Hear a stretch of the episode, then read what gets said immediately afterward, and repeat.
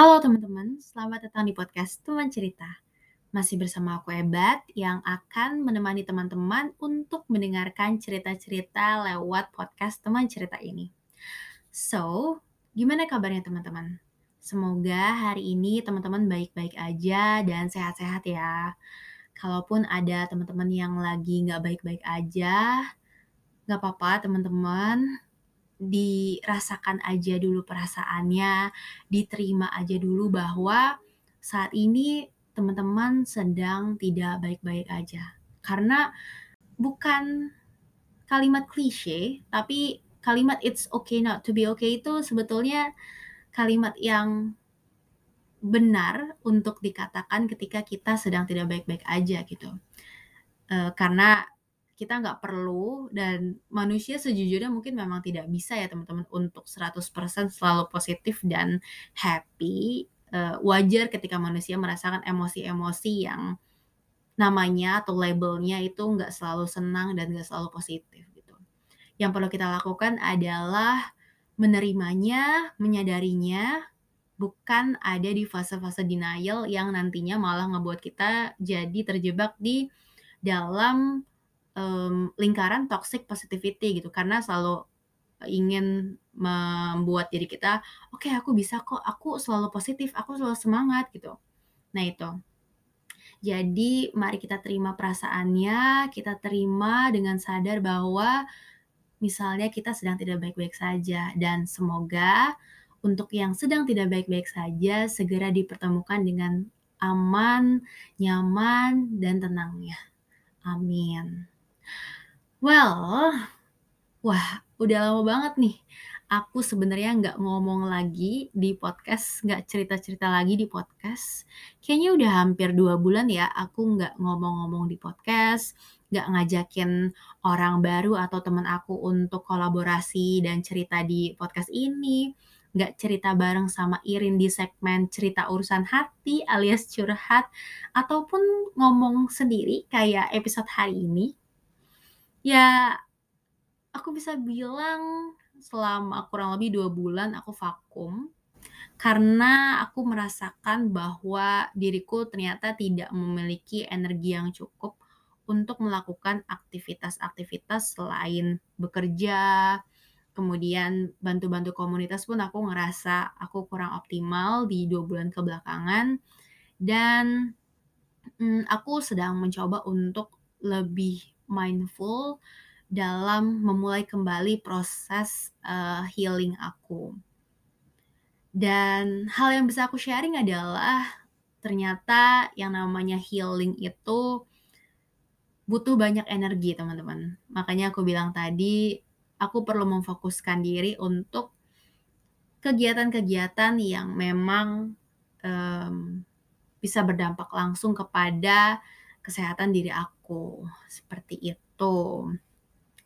Anyway, ngomongin healing, ini sebenarnya berkaitan banget sama topik yang akan aku bahas di episode hari ini. Uh, ngomongin healing ya, baik yang sifatnya mandiri atau self healing, ataupun healing yang butuh bantuan profesional. Hmm, sebenarnya aku udah lama banget pengen ngebuat uh, podcast episode yang ngebahas soal healing ini. Terutama beberapa bulan yang lalu ada hal yang nge-trigger aku ketika aku lagi scrolling-scrolling Twitter, terus aku nemu satu tweet yang di-retweet sama teman aku dan setelah aku ngebaca tweet itu, sejujurnya perasaan aku cukup tersinggung dan ngerasa tweet ini ofensif. Kayak gimana sih bunyi tweetnya? Jadi tweetnya itu uh, berbunyi gue lihat-lihat lo self healing mulu. Sembuh juga enggak miskin iya hahaha. Kurang lebih kayak gitu teman-teman uh, bunyi tweetnya. Jujur aja waktu itu aku ngerasa tersinggung dan bertanya-tanya justru kenapa ya ada orang yang masih aja ngebercandain soal healing? Padahal healing itu sesuatu hal yang personal gitu. Yang tidak mudah dan menurut aku dengan ngebecandain hal-hal terkait healing seseorang itu tuh justru bisa jadi bentuk mereka tidak respect terhadap proses penyembuhan yang dijalani oleh orang yang sedang melakukan healing tersebut. Atau bisa juga mungkin lebih dalamnya lagi menganggap orang-orang yang melakukan perjalanan healing ini dianggap melakukan glorifikasi terhadap penyakit mentalnya. Padahal kan kayak aku bilang tadi gitu, yang namanya proses perjalanan healing ini nggak mudah dan sangat personal. Ada yang sebentar, ada juga yang bertahun-tahun. Jadi cukup ke-trigger dan cukup kesel ngeliat tweet itu. Sampai akhirnya hari ini aku mencoba untuk membaca lagi soal tweet itu dan aku coba untuk ngebuka polling di Instagram menanyakan kepada teman-teman internet aku bagaimana sih perasaan atau perspektif mereka ketika mendengar kalimat tersebut. Nah, ini jawabannya ternyata surprisingly uh, bervariasi ada yang bilang biasa aja dan ada yang bilang ngerasa ini tuh nggak lucu dan nggak bisa dijadiin bercandaan. Well, uh, aku tentunya bertanya-tanya, hmm, apa ya yang ngebuat perbedaan perspektif ini terjadi gitu.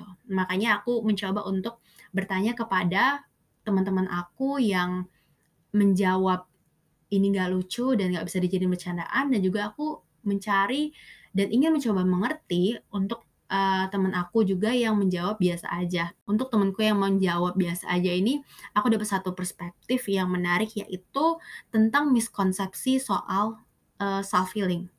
Mungkin teman-teman sering lihat ya di social media seperti Instagram, Twitter, ataupun TikTok. Aku nggak sure kalau misalnya Facebook karena aku udah nggak pakai Facebook.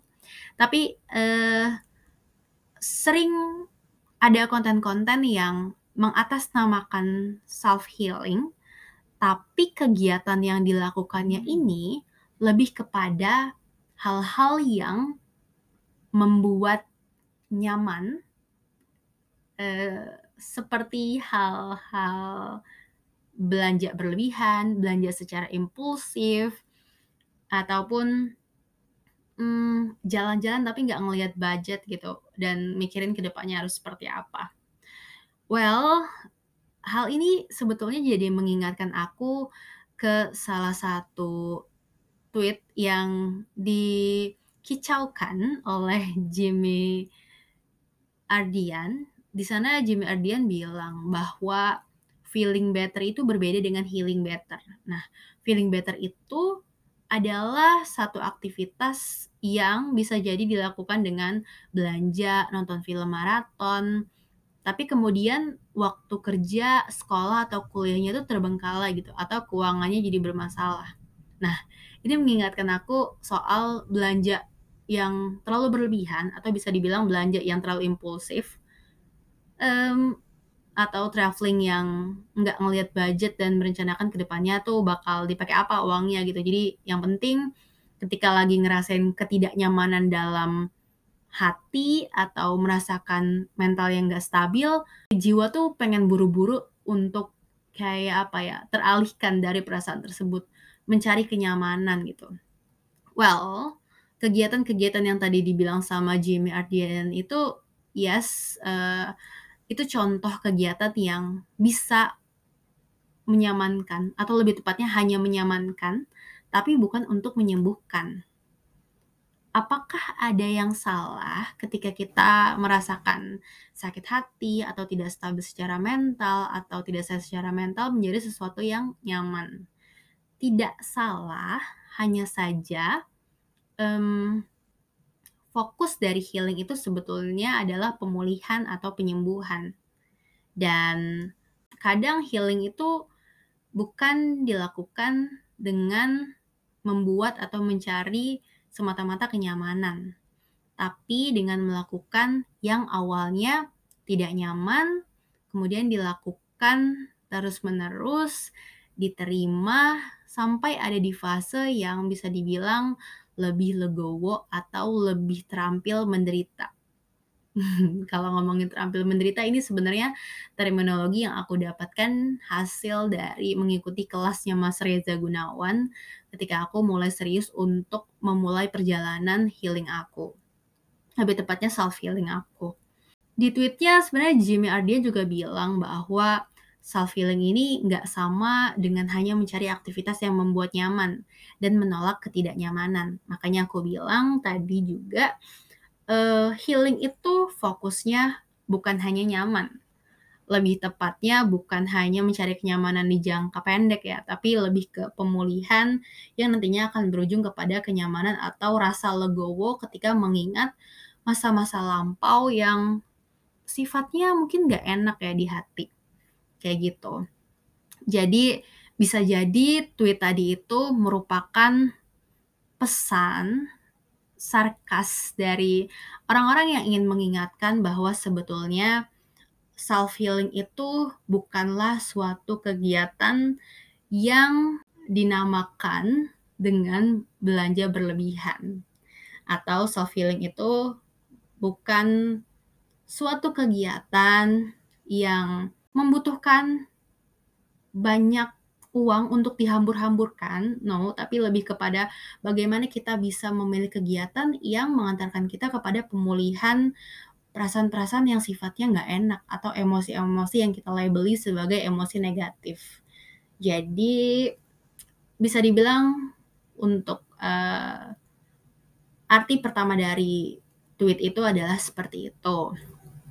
Tapi ada juga arti kedua yang sebetulnya mungkin ketika memang tweet tersebut dibercandakan dan ditujukan untuk membercandai orang-orang yang sedang melakukan self healing, maka aku bisa bilang coba kamu dengarkan podcast ini, aku pengen kasih beberapa pandangan bahwa sebetulnya yang namanya healing itu um, bukan sesuatu hal yang mudah untuk dijalankan dan setiap orang itu punya waktu yang berbeda-beda untuk healing. Kayak yang aku bilang tadi di awal ada yang bisa sebentar ada juga yang mungkin butuh bertahun-tahun. Karena pada dasarnya kan healing itu pemulihan yang holistik ya. Bukan hanya mencangkup um, fisik yang terkena dampak mungkinnya dari kesehatan jiwa dan mental yang nggak stabil, tapi juga hmm, sehat secara seluruhnya sih sebenarnya teman-teman. Karena ketidaksehatan secara mental ini berbeda dengan ketidaksehatan secara fisik. Kalau ketidaksehatan secara fisik mungkin satu kali ke dokter minum obat terus habis itu sembuh. Tapi kalau ketidaksehatan secara mental ini efeknya ke mana-mana dan perlu beberapa kali untuk tahu penyebabnya itu seperti apa. Apalagi kalau misalnya penyebabnya itu udah terlalu dalam, mungkin harus diungkit lagi trauma-trauma di masa kecil, itu akan jadi kegiatan atau hal yang berbeda ya, dan butuh waktu yang gak sebentar. Dan itu sebetulnya tidak perlu untuk dijadikan momok candaan untuk orang-orang yang menganggap dirinya cukup tangguh untuk menjalani kehidupan atau kadang ada orang yang bilang kalau misalnya orang-orang yang tidak sehat secara mental itu adalah orang-orang yang kurang bersyukur atau tidak bersyukur gitu. Padahal kan uh, rasa syukur dan kesehatan mental itu punya penjelasan yang lebih dalam dibandingkan itu. Tidak bisa dikatakan bahwa orang-orang dengan ketidaksehatan mental itu adalah orang-orang yang tidak bersyukur atau tidak mensyukuri hidup atau juga uh, dijadikan bahan candaan untuk orang-orang yang menganggap dirinya lebih sehat secara mental gitu. Karena ya siapa sih yang pengen punya mental yang gak sehat? Siapa sih yang pengen punya kekhawatiran berlebih, kecemasan dalam jangka waktu yang panjang, panic attack, ketakutan terus-menerus? Well, gak ada yang mau punya mental yang gak sehat kan? Kayak semua tuh pengennya punya jiwa, raga, tubuh, pikiran, atau semuanya itu secara sehat gitu. Karena ya sehat itu penting. Jadi ya kondisi mental yang nggak sehat itu sebetulnya sangat tidak mengenakan sih karena bukan cuma nggak enaknya tuh di hati atau di pikiran aja teman-teman bukan cuma pikirannya yang banyak banget sampai capek nggak berhenti berhenti tuh pikiran uh, memikirkan banyak hal ataupun misalnya timbul rasa sesak di dada gitu kan, karena luka di masa lalu yang ternyata belum sembuh. Tapi juga sebetulnya itu bisa berpengaruh terhadap kondisi fisik gitu. Seperti apa pengaruhnya? Nah, pengaruhnya ini bisa menimbulkan penyakit-penyakit fisik yang sebetulnya rasanya nyata, nggak cuma dirasa-rasa aja. Kalau secara terminologi tuh aku uh, bisa bilang ini namanya adalah gangguan psikosomatis. Nah, psikosomatis itu terdiri dari dua kata, psiko yang berarti pikiran, soma yang berarti tubuh. Yang di mana eh, kalau kita ambil arti secara lebih lengkapnya, maka istilah gangguan psikosomatis itu digunakan untuk menyatakan keluhan fisik yang diduga disebabkan atau diperparah oleh faktor psikis atau mental seperti halnya stres, depresi, takut, atau cemas. Hmm, gangguan psikosomatis ini sebetulnya emang masih menjadi fenomena medis yang belum bisa dijelaskan secara pasti sih hingga kini. Cuma kalau dilihat dari pengalaman aku dan kondisi yang sudah sempat aku refleksikan ke dalam tubuh aku, aku bisa bilang ini nyata. Kenapa? Karena aku mencoba untuk uh, berdialog dengan diri aku ketika aku sedang mengalami stres berat atau sampai di level-level yang aku capek buat hidup. Uh, aku cukup depresi uh, waktu itu dalam jangka waktu yang cukup lama aku sering kali merasakan gangguan-gangguan fisik kayak mual, terus abis itu eh, sakit kepala, asam lambung naik, kadang ngerasa tenggorokan ini agak panas kayak gitu, atau sampai sakit badan yang bener-bener nggak bisa bangun gitu dari tempat tidur kayak mungkin kalau dianalogiin kayak lagi diserang sama dementor di film Harry Potter uh, aku nggak tahu sih sebenarnya kayak gimana ya rasanya, cuma ya bener-bener kayak nggak berenergi sama sekali, like aku nggak punya sama sekali energi untuk bangun. Uh, ya kurang lebih analoginya seperti itu. Cuma ya, hmm, dan aku jadi keinget sih akan salah satu buku yang pernah aku baca, judulnya Loving the Wounded Soul. Di sana sebetulnya menyebutkan, di sana penulis menyebutkan bahwa sebetulnya tubuh, pikiran, dan emosi kita itu punya hubungan yang begitu kompleks dan saling terhubung satu sama lain. E, mekanismenya itu sebenarnya tidak sederhana dan sulit untuk dipahami gitu. Tapi hal yang aku suka dari buku ini adalah penulis mampu memberikan satu analogi yang cukup sederhana sih. Jadi di sana penulis bercerita contohnya uh, adalah ketika ada seorang ibu yang tiba-tiba menerima telepon dari seorang yang mengatakan bahwa anaknya meninggal akibat kecelakaan. Nah, pada saat itu, uh, ibu tersebut mengalami kondisi di mana lututnya langsung lemas dan nafasnya tersengal-sengal kayak gitu. Dan ya kurang lebih uh, itulah bagaimana analogi kondisi mental mempengaruhi um, apa ya fisik yang ada gitu. Bagaimana cemas, takut, dan stres atau bahkan depresi mempengaruhi kondisi fisik kita. Kemudian eh, kalau misalnya ada pertanyaan gitu ya kayak apakah semua ketidaksehatan fisik itu datang dari ketidaksehatan mental? Tidak, karena bisa jadi um, asalnya memang ya dari gangguan murni fisik aja. Kemudian bagaimana cara membedakannya gitu.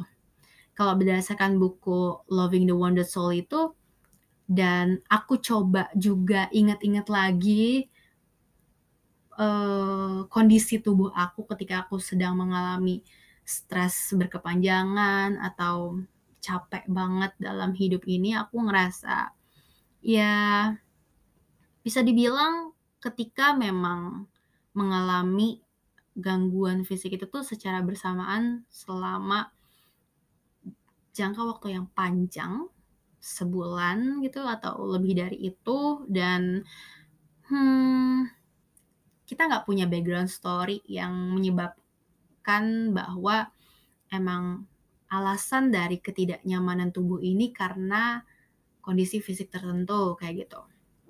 Dan ya di situ bisa jadi sebetulnya tubuh itu sedang memberi sinyal bahwa ada sesuatu yang salah pada emosi dan pikiran kita. Hanya saja kita terlalu sibuk dengan urusan pekerjaan atau hal-hal yang lagi kita pengen fokusin gitu atau bisa juga kayak ya udah enggan aja untuk memproses emosi yang kita labeli negatif itu kayak gitu e, karena sering kali aku enggan sih untuk memproses emosi-emosi negatif yang aku rasakan kenapa enggan setelah berdialog kemudian journaling aku menemukan kalau untuk diriku sendiri ada dua hal yang melanda melandasi aku enggan untuk memproses perasaan yang aku labeli sebagai emosi negatif itu.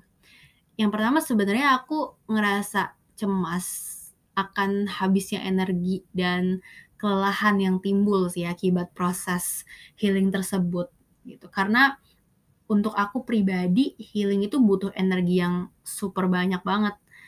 Uh, aku bisa jadi langsung lelah dan ngantuk dan tidur di awal gitu Nah, tapi karena ada hal-hal yang ingin aku selesaikan gitu kan, jadi aku enggan memprosesnya dan kemudian memilih untuk memendam perasaan gak enak tersebut yang sebetulnya bisa jadi bumerang atau bahkan uh, lama-kelamaan akan meledak nih dan itu gak sehat banget sih untuk aku di masa depan.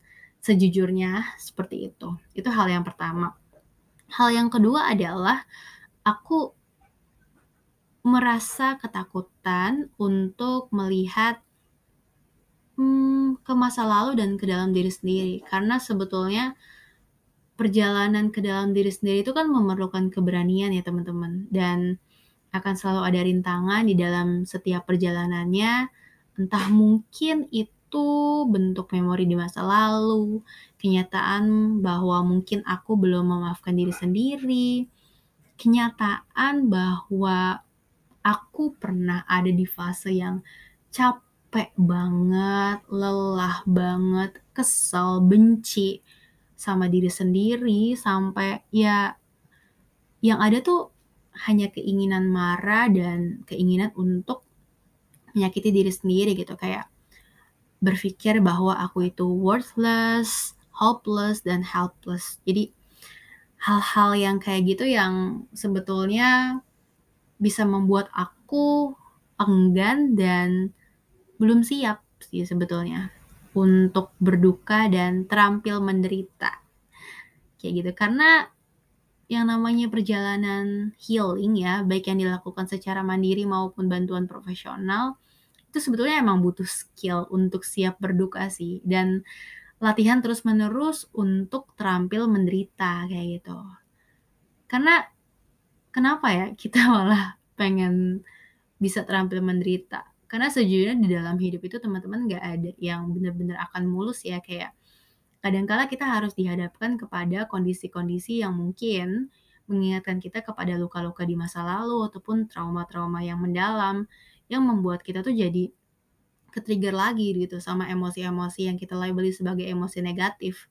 Dan ya bisa jadi hal tersebut akan datang dan pergi dan ya ketika kita sudah bisa berlatih dan lebih legowo mungkin kita jadi bisa lebih nerima gitu tentang apa yang udah terjadi ya terjadilah seperti itu. Dan kalau ngomongin latihan latihannya harus berapa lama? Nah ini sebenarnya cuma diri kita sendiri yang tahu nih teman-teman. Dan orang lain sangat amat tidak berhak untuk menghakimi orang-orang yang sedang melakukan perjalanan healingnya, baik bentuknya self healing maupun healing dengan bantuan profesional. Karena sebetulnya balik lagi teman-teman, healing itu adalah satu perjalanan yang betul-betul personal, nggak murah dan nggak mudah. Jadi um, kalau ada teman kamu yang sebenarnya kayak kamu tahu gitu, dia lagi melakukan self healing baik uh, dia sedang melakukan self healing gitu ataupun sedang healing dibantu dengan profesional, hmm, daripada menjadikan hal tersebut sebagai bahan candaan ya, atau ya mencoba untuk iseng-iseng ngebercandain biar bikin happy, sebenarnya enggak sih. Dan akan lebih baik jika teman-teman bisa kasih support sih. Kalau mungkin nggak bisa atau nggak tahu gimana cara ngasih supportnya, well, ya mungkin diem kali ini adalah emas ya teman-teman. Anyway, ngomongin support untuk kamu yang lagi dalam masa-masa healing, lagi mau mulai healing, aku pengen kasih tahu kalau kamu sebenarnya nggak sendirian kok. Yang pertama dan yang paling utama ada diri kamu yang akan nemenin kamu. Untuk teman-teman yang juga um, percaya akan adanya Tuhan, tentu ada Tuhan, tentu ada Allah yang akan nemenin teman-teman dalam kondisi itu. Dan ada orang-orang sekitar kamu yang juga menyayangi kamu gitu. Jadi mari kita sama-sama menyemangati diri dan hmm, menguatkan diri mungkin ya bahwa perlahan-lahan kondisi ini bisa diterima, bisa dimaafkan. Dan ada salah satu tulisan teman-teman dari Dwi Handayani atau lebih terkenalnya disebut dengan tulisan Uwi ya. Ini sebenarnya tulisannya juga sering kali aku jadikan sebagai reminder untuk diri aku sendiri dan aku ngerasa ketika aku baca ini aku berasa dikasih kekuatan sih sebetulnya dan aku pengen share hal ini ke teman-teman uh, supaya sama-sama ngasih kekuatan untuk teman-teman yang lagi ada di proses healing ini. Jadi tulisannya ini kayak gini. Sebelum karena siapa pun yang menguatkanmu, dirimulah yang paling berjasa. Hatimu, jiwamu, dan semuanya yang ada di kamu bergotong royong untuk saling menguatkan. Jadi, sebelum memaafkan orang yang menyakitimu, maka maafkanlah dirimu sendiri karena sudah membiarkannya merasakan sakit. Sebelum berterima kasih kepada yang membantumu, berterima kasihlah kepada dirimu sendiri yang sudah mau berjuang bersama sampai hari ini. Kamu hebat, kamu kuat, dan kamu berharga. Wow, semoga bisa membantu ya teman-teman. Dan untuk kamu yang merasa memiliki teman yang sedang melakukan perjalanan healing, kamu bisa coba tanyain ke dia, gimana kabarnya hari ini? Ingetin dia kalau misalnya dia itu nggak sendirian. Ingetin dia kalau dia itu adalah pribadi yang dicintai. Dan kasih tahu dia kalau dia butuh pertolongan, kamu ada. Jadi, sekian ceritaku hari ini. Apa ceritamu? Sampai jumpa di episode berikutnya di podcast Teman Cerita. Semoga membantu. thank you